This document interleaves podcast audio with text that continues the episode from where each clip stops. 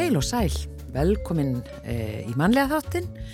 Ég ætlaði að segja velkomin að fætur eins og stundum Já. og það er bara á alveg öruglega við um einhverja í dag. En það er miðvíkudagur og það er 19. oktober.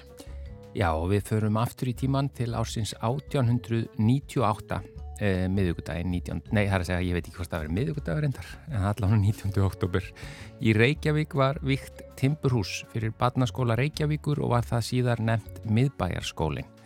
Það var byggt úr timbri vegna óttamanns, eh, manna við eh, steinhús eh, að það kynna hrinja í jarðskjálta. Þjóðaratkvæðagreisla fór fram um sambandslaga samningin árið 1918 og hann var samþyktur með rúmlega 90% atkvæða. Kostningaþáttaka var tæplega 44% og þessi samningur gekk síðan í gildi 1. desember. Svo var það sama ár, spænska veikin barst til Íslands uh, á þessum degi árið 1918 og geisaði fram í desember. Um 4-500 manns dóa völdum hennar. Já, það er svakalegt.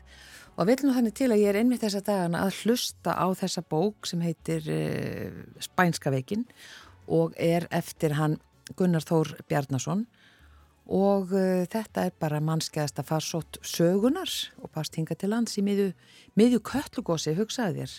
Já, og svo var frostaveiturum mikli þetta ár. Og... Já, sem stónur reynda bara að mér skilst í 2-3 vikur. Já, já. En þarna voru hundruð Íslendingar sem fjallu í valin á örfáum vikum, aðalega ungt fólk í blóma lífsins, fleiri konur en karlar og mörg börn sem mistu, mistu foreldra og þetta voru átakanlegir, átakanlegir tímar og já, ég bara mæli með þessari bók.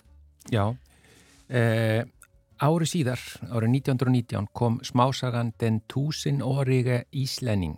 Eh, það er að segja, hún byrtist á forsíðu Sunnudagsblas BT í Kaupmannhöfn og höfundurinn Haldur Lagsnes var þá 17 ára aldri.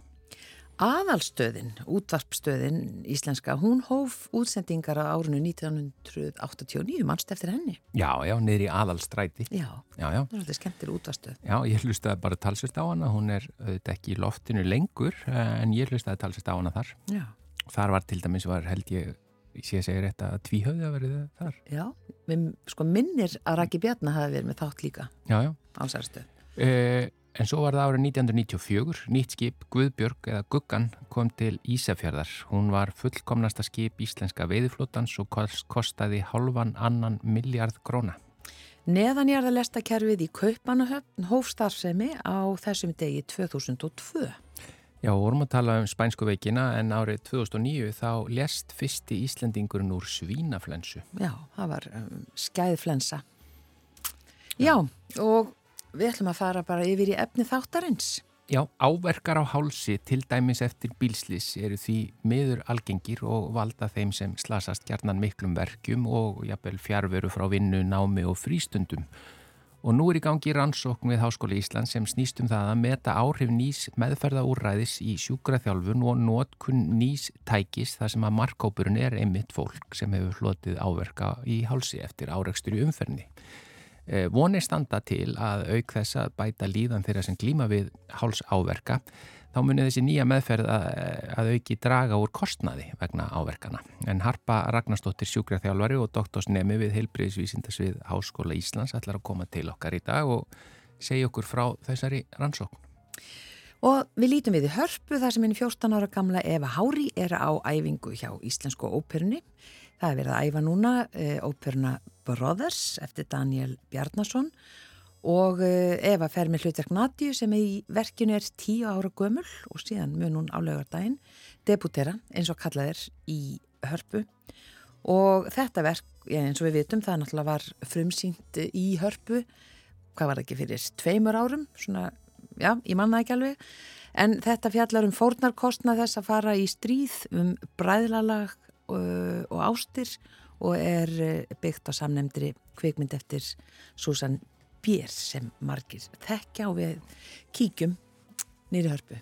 Já, og við ætlum aðeins að forvittnast um uh, badna kvikmyndaháttíð, þar sé alþjóðlega badna kvikmyndaháttíð sem er haldinn nýjunda sinn í Reykjavík og einmitt núna á Reykjavíku sem á kannski vel við á badna kvikmyndaháttíð og það eru margt í bóði, dótamarkaður, Reykjavíku þema, heiðuskestur og svo er sko lifandi talsetning, það sem að verður talsett teiknimynd bara á staðnum Uh, og það er uh, allan á fyrsta sinna á hátín, ég veit ekki hvort ég fyrst sinna á bara Íslandi. Ég er ekki viss. Og það er alltaf að koma Lísa og uh, Ása, Lísa Attensberger og Ása Baldursdóttir og segja okkur meira frá þessu hér á eftir.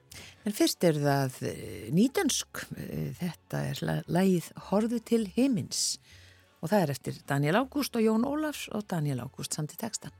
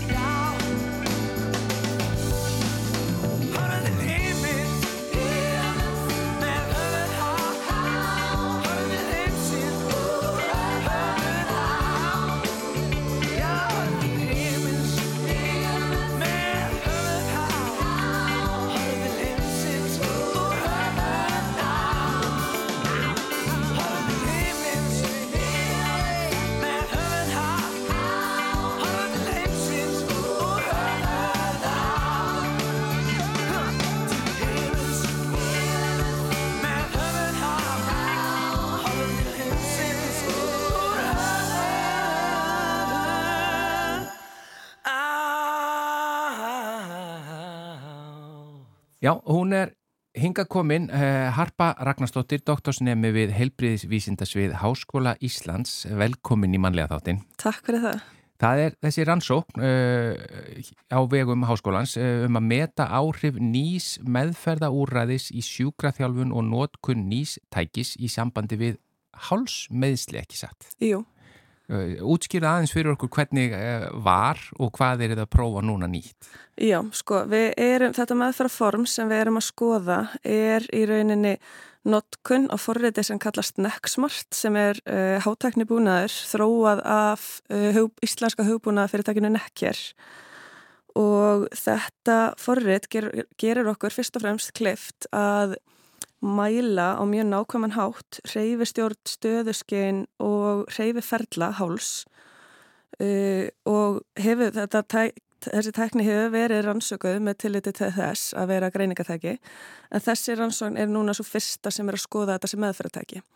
Þannig að þetta hefur verið greiningatæki, þetta greinir hver staðan er og þetta eru hálsmeðislega ekki satt eins og til dæmis eftir bílslis eða aftan á kesslur. Jú. Þessi, það, þessi sem eru nokkuð algeng eða hvað? Já, þetta eru mjög algengslis. Ég fekka með tölur af bráðumáttugunni og bara árið 2020 komu um 770 manns á bráðamáttökuna eftir umferðarsleis sem samsvarar um 330 af hverjum 100.000 íbúum höfuborgarsvæðisins og það er í takt við tölur sem við erum að sjá annars staðar í Vestur-Evrópu og Norður-Ameríku. Og hérna og þar skal líka tekið til þetta þess að þetta er bara tölur á bráðamáttökunni þannig að það er ekki tekið inn í þá sem að fara til dæmis beint til heimilislegnis Já, og þetta eru sko þrálat meðsli ekki satt, ef, ef ekki næst nægilega góð meðferð, þá Jú. er þetta eitthvað sem bara háir manni mikið og, og, og fylgir manni lengi. Akkurat, það hefur verið sínt fram að það með rannsóknum að um það byl helmingur, 50% þróa með sér langvinn engjani sem núverandi meðferðarform hafa ekki náða að hafa áhrif á. Hver, hver eru núverandi meðferðarform? Er það, það, það sjúkraþjálfun og... Já, ef við hórfum á sjúkarþjálunina þá er það bara sjúkarþjálun eins og hann er stundu í dag sem er þá kannski einstaklingsmiðuð uh, sambland af æfingum og svo kallar er bekka meðferð þar sem er verið að taka á vöðvum eða liðum líkamanns.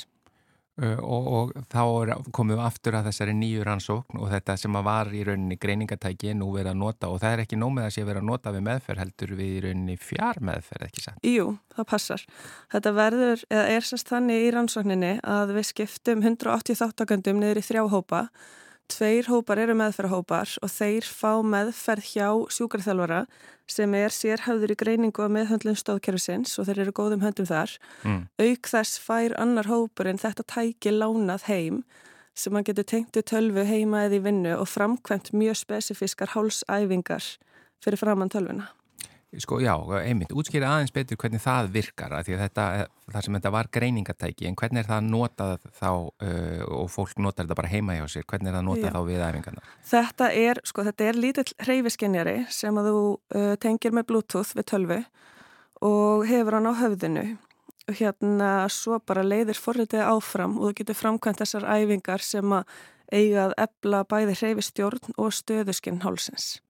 Já. Þannig að þetta er fyrir ekkar einfalt, uh, fólk er alveg leitt áfram eiruninni af forritinu og það fær feedback um hvernig þeim gengur, þannig að það er hægt að stilla æfingarnar eða það eru mjög erfiðar fyrir einhvern ákveðin þá getur það stiltar og haftar aðeins léttari. Já, þannig að þetta er væntalega, að, að þetta er væntalega minni kostnaður eða hvað? Já, við erum að búast við því að því báðir þessir meðferðhópar fá meðferð hann að hjá sjúkarþjálfara og við búast við því að sjá að þeir sem fá þetta aukalega þurfi færri meðferðskipti og þá erum við komin í spartnað fyrir, fyrir bæði helbriðskerfið og einstaklingin sjálfun. Og vantarlega líka aðgengilegra eða hvað eh, en að, en að þurfa alltaf að koma á staðin Já, akkurat, þann getur gert þetta hvar sem er, þetta er mjög lítið tæki og getur bara gett það í uh, veskinuðinu, töskunuðinu, tekja með vinnu gert þetta í vinnunni fyrir framann tölvi. Hver æfing er 5-10 mínútur þannig Já. að það tekur enga stundir að framkvæma æfingarnar einhver tjóni yfir daginn. Það er bara einu sinna á dag eða? Já, það er einu sinni til tveisvara dag eftir hvar þú ert stattur í meðferðarplaninu. En, það er rétt skil hjá mér að sagt, þau sem að fá þetta tæki og eru í þeim hópi, þau fá líka samt meðferð hjá sjúkvæðþála. En fá þau, þau þá færri tíma þar eða? Þau fá, einst, þetta er allt uh, einstaklingsmiða hjá sjúkvæðþálanum þannig að hann metur hversu mörg skipti hver og eitt þarf. Já. En við munum skoða það þegar við skoðum niðurstöðunar hversu Uh, mörg skipti hver á eitt þurfti og þá búist við við að sjá þetta að þeir sem fá þessa meðferð aukalega hafi þurft færri skipti á sjúkurþarfara. Og hvað sagður, er hópurinn 180? Já, ég þarf 180 samtals sem að ég skipti niður í þrjá hópa og ég er komin með 40 manns þannig að það er ennþá mikið pláss fyrir þá sem að vilja taka þátt. Já, þannig að þú við bara notum tækifæri hér til að auglýsa eftir Já, þáttakendum. endilega og þá þarf ég uh, þáttakendur eftir nýlegt bílslis uh, má verið mestalagi þrýr mánuðir Já, og á aldrinum 18-63 ára. Já. Þannig að hver sem er sem að til þessi falla í þennan hóp má bara endilega hafa samband. og fær þá í leiðinni kannski fría meðferðið eða hvað? Sko, hann fær allavega fría greiningu en já. reyndar þurfa þeir sem lendi með frá hópa borga sjúkarþálunina sjálfur en þar sem þetta er eftir slis Já, þá eru lang flestir ef ekki allir í þeirri stöðu að þeir geti fengið með fyrir að borga tilbaka frá tryggingafélaginu. já, já. En eru hérna, af hverju þarf þetta að fá uh, fólk sem hefur svona nýlega lendi? Er það, er, Uh, Við, er, við ákvaðum í þessari rannsókn að skoða þennan sub-akut fasa sem er 1-3 mánuður eftir slis Mm. til að sjá hvort við náum að minka líkur á að enkenni verði langvinn. eins og gerist svo oft núna. En svo er það bara efni aðra rannsókt síðar að skoða þá þá sem eru komnir með langvinnenginni. já, það er næsta skref. Já, En hvað eru þið segiru komin með, eh, að því nú er þetta, þið, þú ert greinlega ekki komin með allan hópin, þannig að þið eru ekki komin með niðurstöður ennþá? nei, en við erum að fara að draga saman núna fljótlega svona fyrstu niðurstöður. Þá fáum við kannski einhverja vísbendingar um hvernig gengur.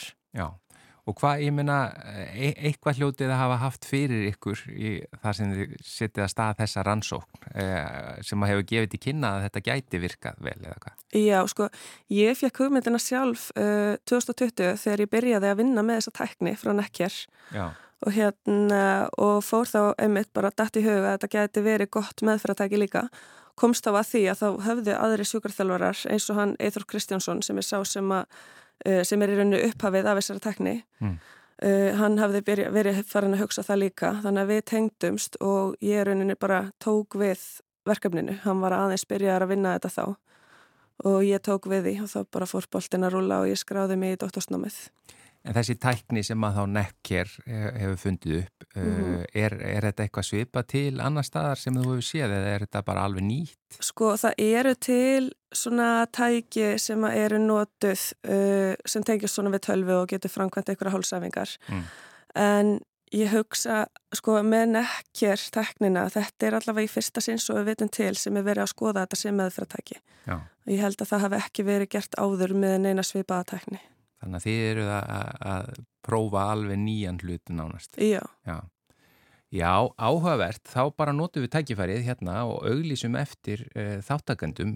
Já. Uh, einu sinni en útskýru hvað þarfa til þess að sækja um og hvert, uh, hvar. Já uh, það er þeir sem hafa nýlega lent í bílslisi eða árekstri uh, það er mestalagi þryggja mánuða gamalt og fólk á aldrinum 18-63 ára og þeir sem að telja sig passi þennan hóp geta haft samband annarkvort við háskóla á háskólanetfangi mitt sem er harpasor sor at hi.is eða þeir geta fundið vinnunetfangi mitt á heimasíðu Kim Endurhæfingar Já. í öðakvarfi. Þannig að, að, vonin er að þetta bara í rauninni, þetta sé enn betri meðferð sem virkar bara betur einstaklingsmiðuð og Já. að þetta lækki kostna. Já, það er vonin. Og fyrir þá sem taka þátt af því það náttúrulega lenda bara eitt þriðji í þessum hópi Mm en það eru tveir þriðjur sem lenda í meðferðahóp svo er einn hópur sem er samabrahópur en allir fá þessa greiningu. Ég framkvæmi alla mælingarnar og er að gera það í upphásmælingum eftir 10-12 vikur, 6 mánuði og 12 mánuði. Og þeir sem taka þátt geta beðið um aðganga sínu mælingum ef þeir vilja nota hvort sem er fyrir forveitnisakir eða í bótakröfumáli eða þeir fari slikt eftir slesið. Já, og, og ef að maður býðir sér fram e, í þessa rannsókn, er það, segir 12 mánuðir? um Já, ég fylgja þeim eftir tólmáni. Ég hitti þáttakandur fjóru sinnum sem sagt á einu ári. Já, uh, og það eru það er Guðni Lilja Ottsdóttir, það ekki, og Kristín Brím, prófessor og aðjungt sem að leiða. Já, þær eru Guðni er leðbennandi minn og Kristín er umsönakennari minn. Og hérna Guðni hefur einmitt rannsakað þessa tækni líka í sínu doktorsnámi. Já, þá bara þakka þér kjalla fyrir Harpa Ragnarsdóttir, doktorsnemi við Helbriðisvísindasvið Háskóla Íslands. Bara rétt í lokin, hvað var aftur netfangið? Harpasor, S-O-R, at hi.is. Já, þar hafið það. Takk kjalla fyrir komin í manlega þáttinn. Takk fyrir.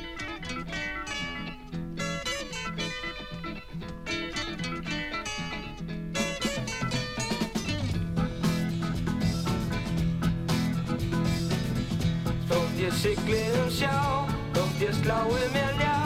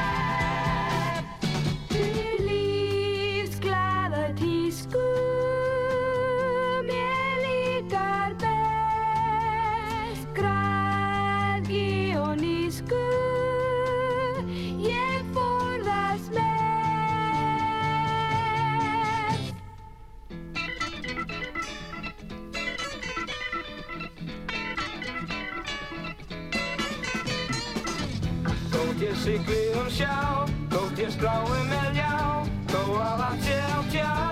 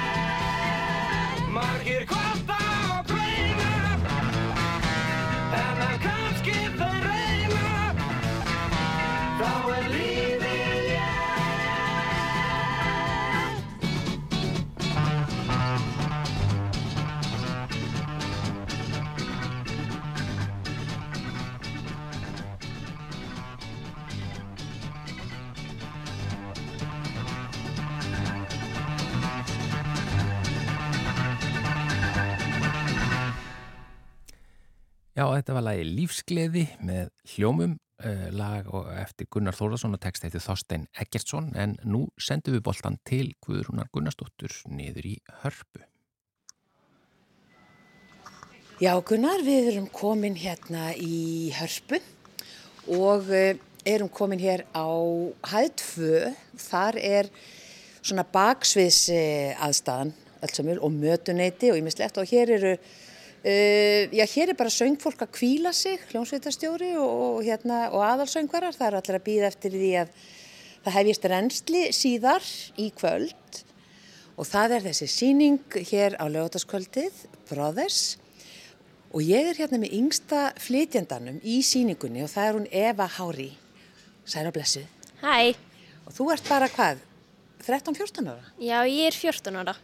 Karakterinn minn er samt 10 ára. Það er svona, já. Já. Sirka. Einmitt. Og hvers konar karakter er það sem þú leikur? Sko, karakterinn minn heitir Nadia og þetta er dóttir hans Michael sem er aðalkarakterinn og Söru. Og hún er, já, svona 10 ára og, og glæðileg og þannig. Og hún syngur líka. Já, já, hún syngur alveg. Þannig að þú ert að syngja hvað aríu. Nei, ekki beint. En svona, jú, ég syng alveg svona til og frá. Er þetta skemmtilegt? Ég, þetta er, ég hef aldrei, eða sko, ég leik einu sinni í óperu áður, nema þetta var á Spáni og ég var ekki þá með hlutverk.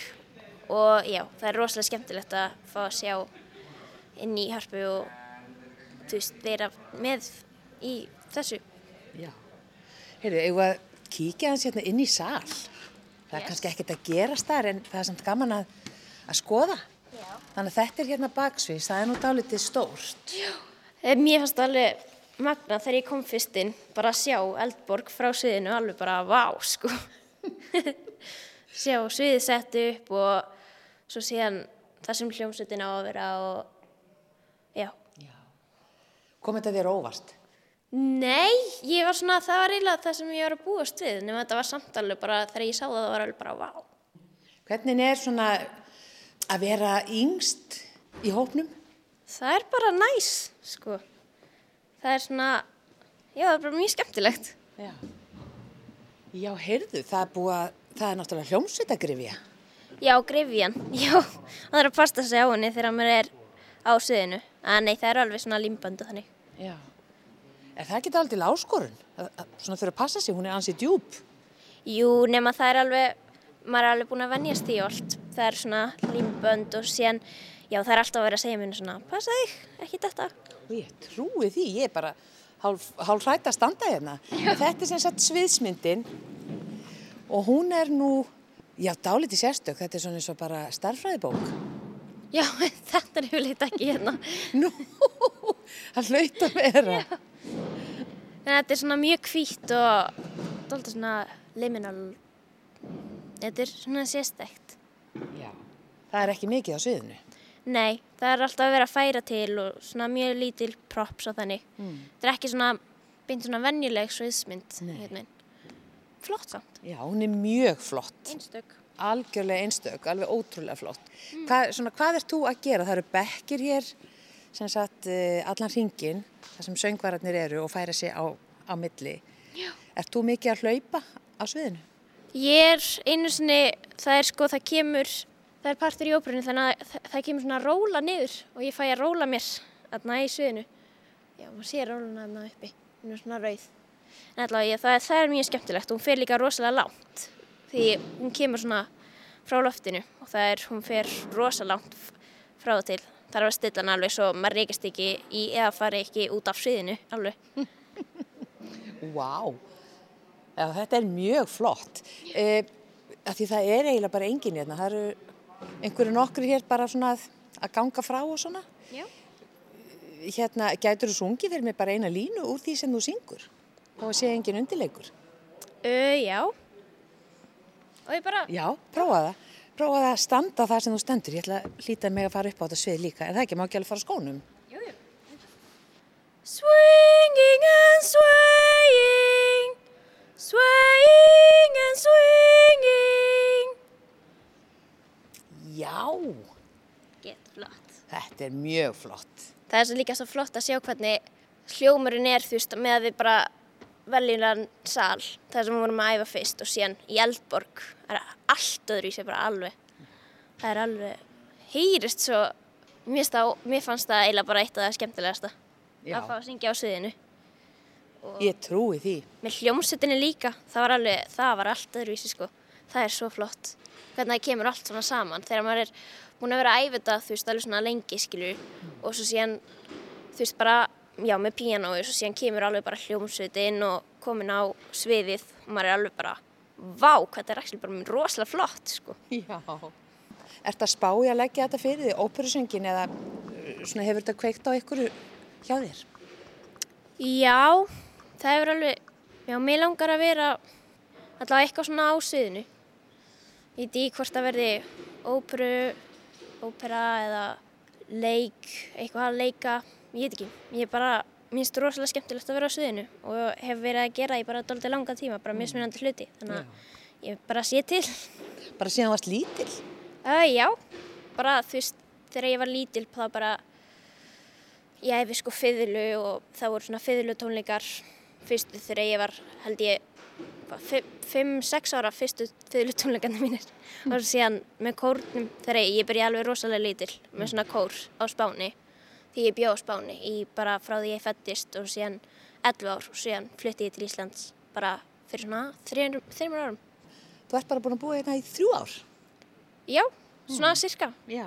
Ég kunni samt alveg íslensku vegna, sko, mamma hún er íslensk og hún bara, já, hún var rosa, rosa dúleg og ekki að kenna ykkur íslensku og ekki bara mamma, sko, bara líka amma og bara rosa margir. Við komum hingað um sömrin og þannig. Já, einmitt. Og pappin er spænskur? Já, pappi er spænskur og hann er svona, já, hann, um, hann, honum gengur vel núna að læra íslensku, svona að reyna.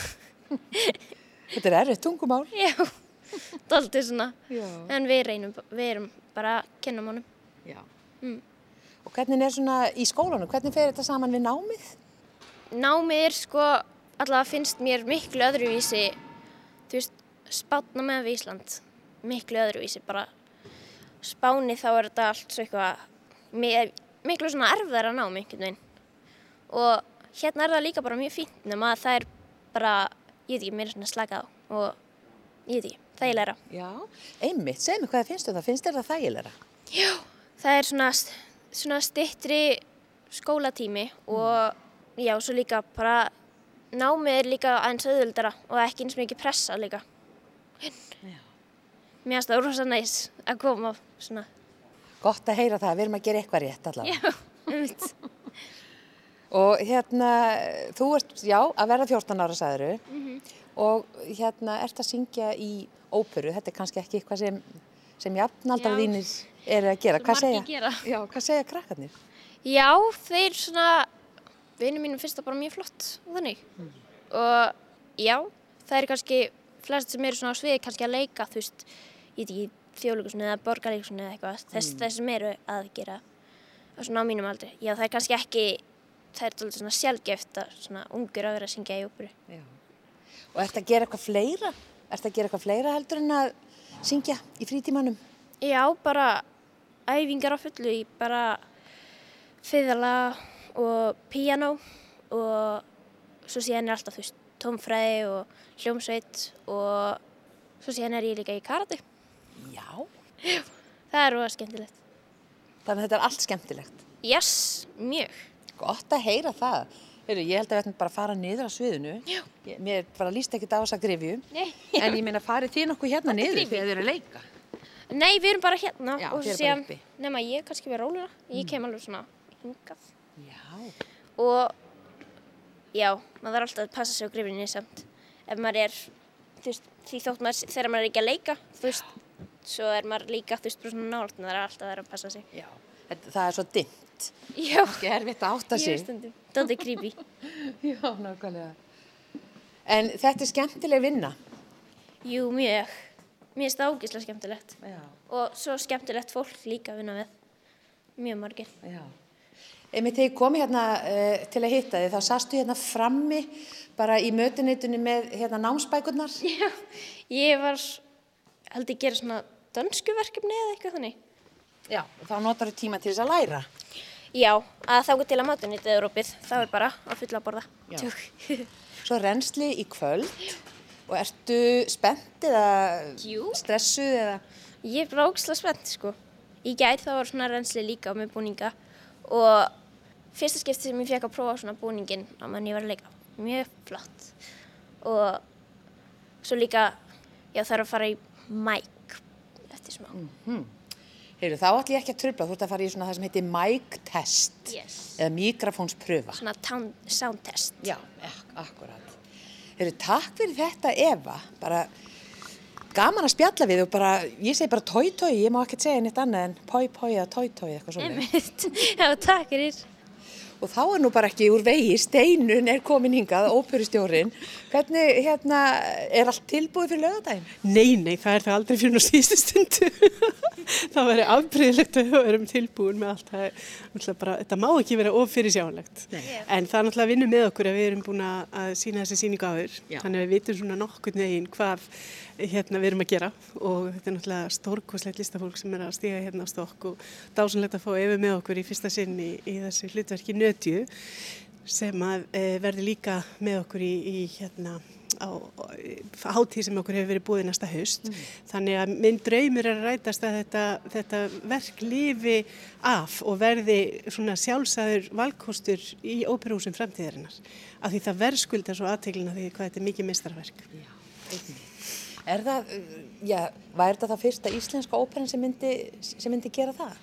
Já, það mætti segja mér það og það, manni finnst eiginlega alveg komin tími til af því að íslensk tónskáld eru bara að gera svo góða hluti og almennt bara íslenski listamenn og, og náttúrulega óperuheimurinn er svo alþjóðlegur. Og það er líka því það er ekki sungið á einhverjum svona óskiljulegum, jú það er náttúrulega alltaf sungið á óskiljulegum hérna, tungumálum en það eru allir í sama bátnum þar.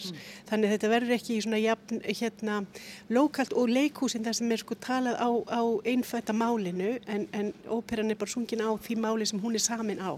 Og svo er náttúrulega bara þýðingar og, og þannig að þetta er svona global artform. Er þetta yngsti, eh, hvað sé, yngsti starfsmæður sem þú hefur haft í síningu?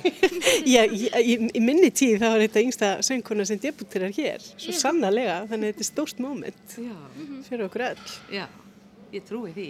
Og ég, ég heyri það á öllu og, og sé að þetta verður ekki þín eh, fyrsta og síðasta síning, óperusíning. Mm, ég vona það. Nei, Eva hefur Hún er framtíðina fyrir sér. Ó já, hún hefur alla börði til þess að hafa framtíðar óperu sviðið og bara leiksviðið bíðandi eftir sér og þetta er að gera stóra hluti. Já, þó að vera ekki endilega óperan, sko. Nei, nákvæmlega, það er bara, þetta er hlaðborð. Já, akkurat. Já. En kæra þakkir, bara báðar, fyrir, fyrir spjallið og, og hérna, já, er uppselt á lögadaginn eða Við vonum að það verði það. Það er svolítið að breytast svona hegðun miðaköpenda frá því sem áður var fyrir faraldurinn. Nú kaupir fólk setna heldur en það gerði áður. Það er líklega bara tengt því að fólk vissi ekki alveg hvort það kemi aftur annar faraldur eða hvað. En það stefnir allt í að verði mjög vel mætt. Þannig að þessu, þessu verki má enginn missa af. Ég hvet alla til þess að tryggja sig með það. Ekki Takk sammála? fyrir Eva og Steinun. Já. Hún er alveg sammála. Já.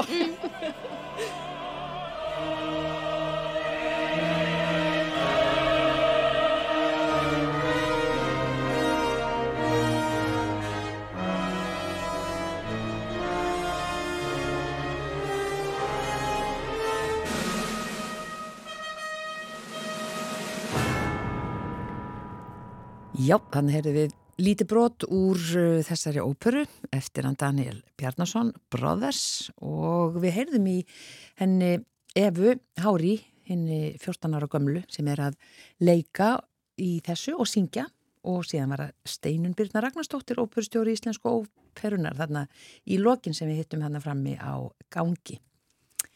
En uh, við ætlum að, uh, já áðurum við förum að tala um barnakvikmyndaháttíð sem Já. er eh, mjög spennandi ætlum við að heyra í Alison Krauss og Robert Plant.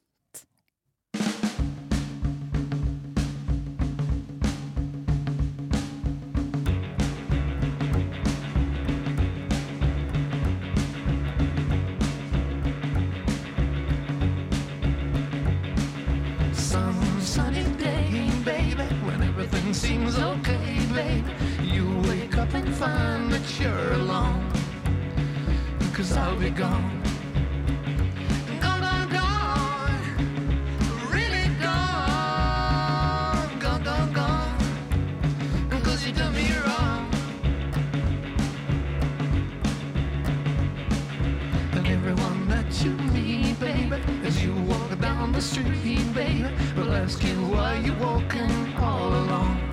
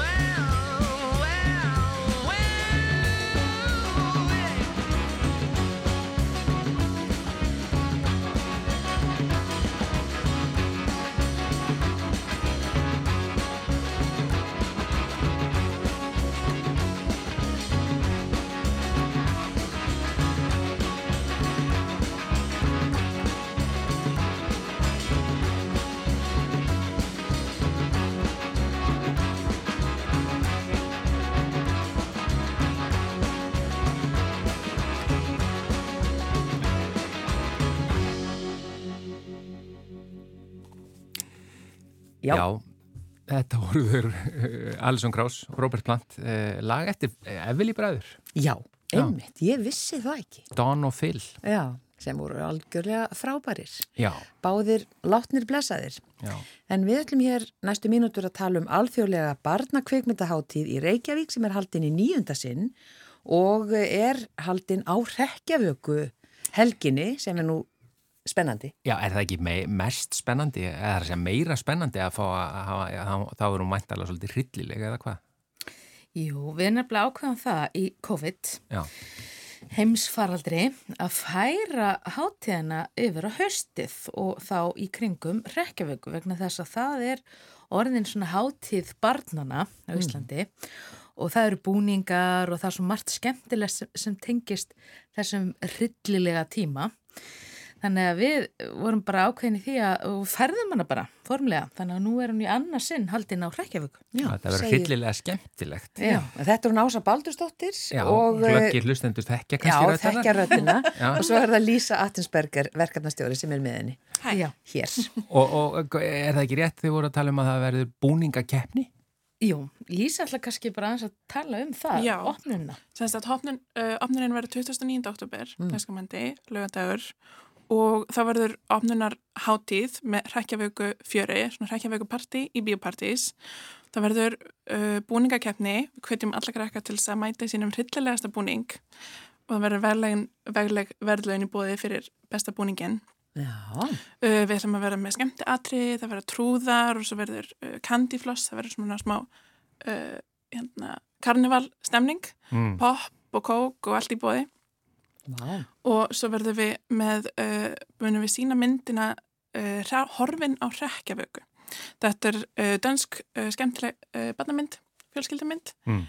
um, sem fjallar um vinnina Ásgeir og Ester sem að lenda í ævintýrum þegar þau eru að leina að leita að systur Ásgeirs sem að er rænt á hrekkjavöku. Er það ekki rétt sem er? Jú, Já. jú. Sko, Henni er rætt á Reykjavík. Talandi um barnamyndaháttíð og bíó og pop og kók, að var ekki bara að, hérna vinningsbúningurinn í fyrra í keppninni, það var bara eh, einhver sem var, var akkurat þetta, bara Já. bíó og pop og kók. Alveg rétt, búningur hans var bara barnakveikmyndahátti, hann föndra sinn eigin búning og pappa og hérna var í rauninni bara hátíðin sjálf Bíó, skjár og pop og kók. og- hryllilega góð búningur. frábær hugmynd. Já, En sko, en þetta með að vera með lifandi talsetningu, það er annað sem að e, útskýrið aðeins hvað það er. sko þetta er fyrsta skipti sem að við erum að gera þetta á hátíðinni og við erum mjög spennt. Þessi hugmynd kom til okkar frá, uh, var það ekki, barnakveikmyndahátíðin í Slín, við veitum að það hefur verið gert þar Mhm. og víðar og þetta felur í sér að leikarar uh, taka að sér að flytja hlutverkin í myndinni lifandi á staðnum fyrir áhörvendur í salnum, Bara á sviðinu. bara á, á sviðinu í salnum, já. Já. En þarf ekki að fá svolítið reynda eh, svona leikara í þetta sem hafa talsett Jú. eða hafa langa reynslu af talsetningu? Já, einmitt, við fengum uh, snillingana hann hérna Stefan Benedikt og Þórtís Björk, þau eru bæði leikarar uh, og eru í leikhofnum Lottu eru vun uh, talsetningu og, ímsu fleiru og eru æðisleg og þau tóku að sér að gera þetta með okkur. Og hérna bara undirbúningur er hafinn og við hlökkum rosalega til, þetta verður rosalega skemmtilegt. Ég sko fæ, ég ætla að viðkjanna það, ég fæ hnút í magan. Ég, ég hef talsett, talsett að teikn, teiknumyndum og það er alls ekki þannig að það renni bara í gegn í einu rennsli og mann Nei. man er gangi allt rosalega vel, sko. Nei, nei. Það er mjög oft að stoppa og fara tilbaka og laga og svona, þannig að það verður spennandi allavega að sjá. Þetta verður mjög spennandi og ég, það sem ég sko hugsa bara af því að þau eru svo vön því að koma fram með leikofnum Lottu og fleirum að þau hafa bæði þessa reynslu af því að emitt talsetja og að vera að sagt, koma fram á sviði fyrir fram að börn. Já, Þannig já. að, þannig að þau hafa svona áralanga reynsla því að vera að leika fyrir börn Mm. og ég held að það geti skilað þeim uh, langt en þess að þá náttúrulega er þetta eins og að vera uppistandari þú þarfst bara að grípa mistökinn og gera eitthvað, eitthvað skemmtilegt Já, er þau, ekki hægt að stoppa myndinni, það? Nei, nei, Hún bara nei. rúlar áfram. Já, já, Og, og munu þau leika fleiri en eitt hlutverk á mann? Þannig Já. að þau eru að stökka á milli og líkra ratta og svona. Þannig að það, ekki ennstæri hnút í maðan. já, já, ég menna Latti var Ég náttúrulega kongurinn, ætlaði sko. einmitt að segja sko, ég myndi þýða að, að, hérna, að sína strumpamynd mína, hvað eru það marga ratti sem Latti líka allar rattirnar í Næsta hátíð, þá Já. fáum við slanda til þess að lesa alla hlutverkin Það hérna. Það væri- svakalegt að fylgjast með því. Ég held að það sé ákveðin masterklassi í þessu. Ég myndi mæta Já, já, en sko, varandi lifandi talsendinguna þá ákvæðum við það að fá hana Þórinu Lárusdóttur, eh, leikonu og leikstjóra að flytja sér sett lifandi talsendingu fyrir einar áskell sem er 50 ári ár. Þannig að við erum að sína á hátíðinni þrjár svona velvaldar einar áskell myndir og hún ætlar að spreita sig á þessu. En það er það kannski auðveldara heldur en að talsetja heila leikna badnakvikmynd í fullir í lengt, sko. Já, En já, þannig að það er, það er svona, það eru þessar tvær myndir sem við ætlum að flytja með lífandi mm -hmm. kalsendingu. En skemmt þetta verður, en svo er líka dótamarkaður er það ekki og þar geta krakkarnir sjálf komið og, og, og, og hvað?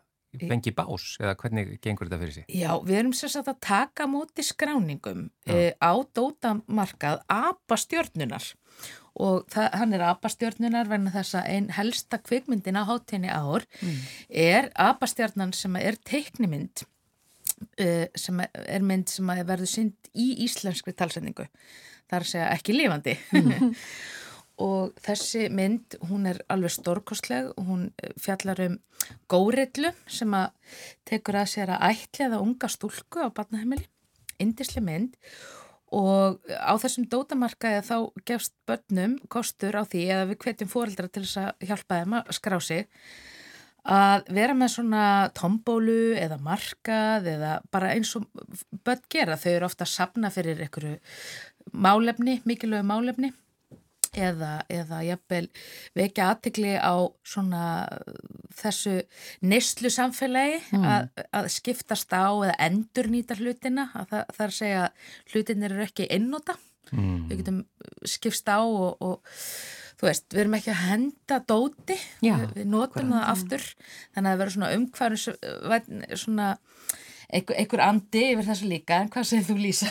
Já, ég, ég, er að, ég er að taka við skráningum Já. og hef fengið fullt af spurningum og ég segi við, all, segi við alla bara að þetta er alveg opið. Þið fáið bara borð, þið fáið bási á okkur og krakkarnir með bara ráða hvernig þið vilja hafa þessu. Hafa þetta. Já. Bara hvort þið vilja halda tombólu eða hvort þið vilja gefa frítt eða skiptast á eða þannig að við munum bara sjá hvernig, Hvernig hvernig stemningin verður. já, en já. það verður rosalega skemmtilegt. Þetta er svakadagsgrá og alls konar eh, svona gagnvirkni í gangi sem er skemmtileg og þetta byrjar hvað segðu aftur 29. 2009. oktober. Já. 29. oktober Og það er bara vantanlega þetta að fá að sjá bara inn á Bíóparadís eða ekki upplýsingar? Jú, biopartís.is skástrygg barnakvikmyndaháttið Mhm. og við erum bara svo spenta því að það er svo margt skemmtilegt í bóði. Við erum með, til dæmis með leiklistanámskeið fyrir stúlkur. Hmm. Ég anda stelpur skjóta, það er, er námskeið sem heitir stelpur leika. akkurát. Við erum með heiðuskjast frá Noregi sem heitir Kristján Ló. Við erum að sína tvær norskar barnakvikmyndir eftir hann.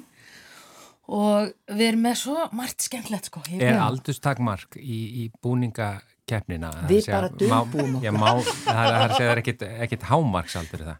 Ég myndi ekki segja það, nei. Nei, nei. Ég menna fóreldrar eru kvartir til þess að mæti búning líka. Já, að- það var, þetta var, var það. upplýsingarna sem ég þurfti, sko. Já. Skemmtilegt. En. Lísa Attensberger og Ása Baldurstóttir, takk fyrir að koma og við bara hvetjum alla til þess að eh, taka þátt í þessu, í þessar hátíð eh, hjá Bíóparadís.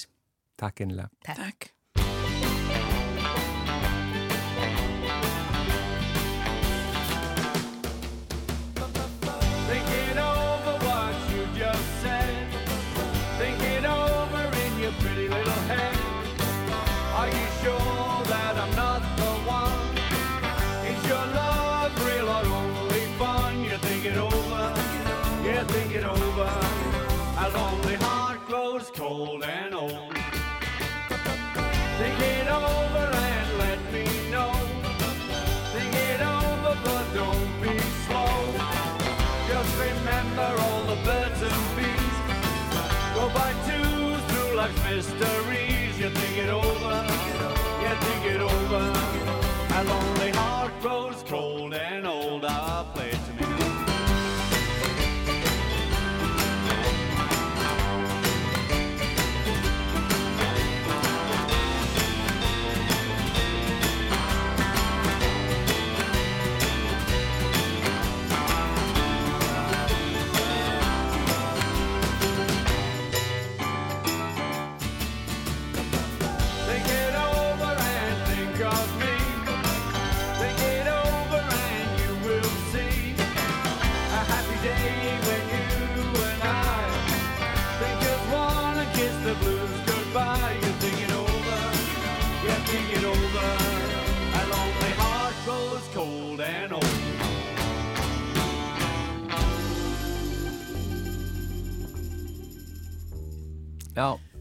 þetta var Ringo Starr uh, og lagið Think It Over. Uh, lagið er eftir Buddy Holly Mm. og uh, Norman Petty. Og þetta er síðasta lagið okkar í dag í mannlega þættunum Guðrun og Gunnar. Þakka fyrir sig. Já, verðin hér á sama tíma á morgun. Verðið sæl.